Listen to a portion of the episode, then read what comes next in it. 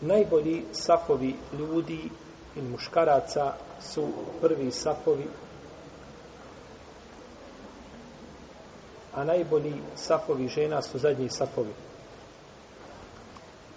Došlo je u hadisu koga ne prenosi Ebu Horeira radijallahu ta'ala anhu, koga bilježi imam muslim Ebu, Ebu Davud i drugi, da je poslanik sallallahu sallam rekao Hajru sufufir riđal evvaluha wa šarruha ahiruha wa hajru sufufi nisai ahiruha wa šarruha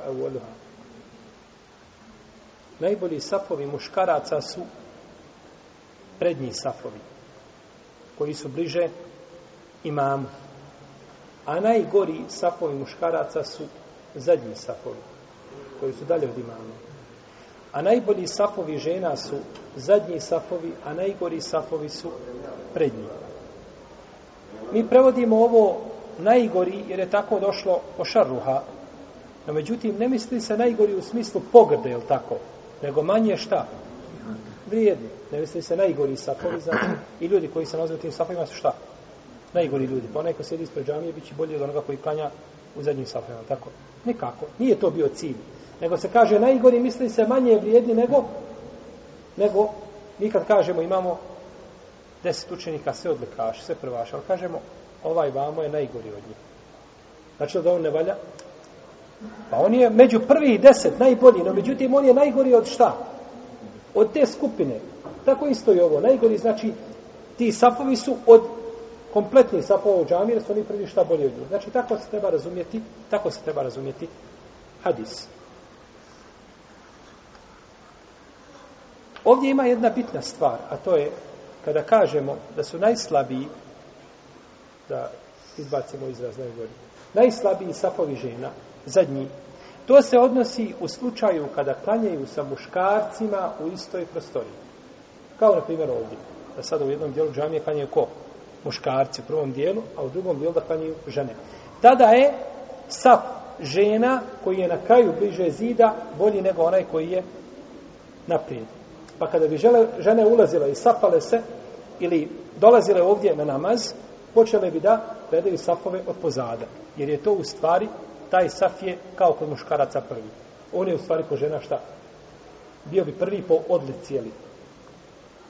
To je kada se, znači, klanja u jednoj prostorinu. Međutim, zamislite da žene imaju svoju musalu. Ili nemaju musalu, ali ima pregrada. Ne vidi se ništa. Znači, postavljen, šta? Kineski zid između muškaraca i žena. Ima pregrada, ima paravan. U redu. Tada žene se redaju i njihovi sapovi su šta? Kao kod muškaraca. Isti je propis. Isti je propis. Znači, žene se redaju i, i tada su safovi žena prvi bolji. Jer nema kontakta sa muškarcima. Pa je bitno, znači, da se napravi ta, na primjer, žene klanjaju u svojoj musalli ispod ove džami, na primjer, ispod muške musalli. Ne vide imama, ne vide nikog Tada su safovi koji su napravili šta? bolji kao kod muškaraca zbog općenitosti hadisa poslanika sallallahu alejhi ve sellem u kome kaže inna Allaha wa malaikatahu yusalluna ala as-sufufil awwal Allah i njegov meleki donose salavate na onima koji klanjaju u prvim safu. Ne misli samo na prvi saf, nego prvi safovi. Koji? Jedan, dva, tri, četiri, pet. Možda će deseti saf biti prvi među prvima ako imamo 40 ili 30 safova. U redu? Možda će to biti među prvim safovima. Ali se kaže prvi safovi. Znači što se bliže imama, to se bolji. U tom slučaju Allah i njegov meleki donose, donose šta?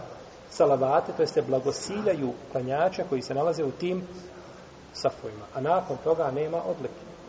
Zato uzviše Allah blagoslovi za sedam nebesa, nema odlike druge i nema odlike bolje od otka.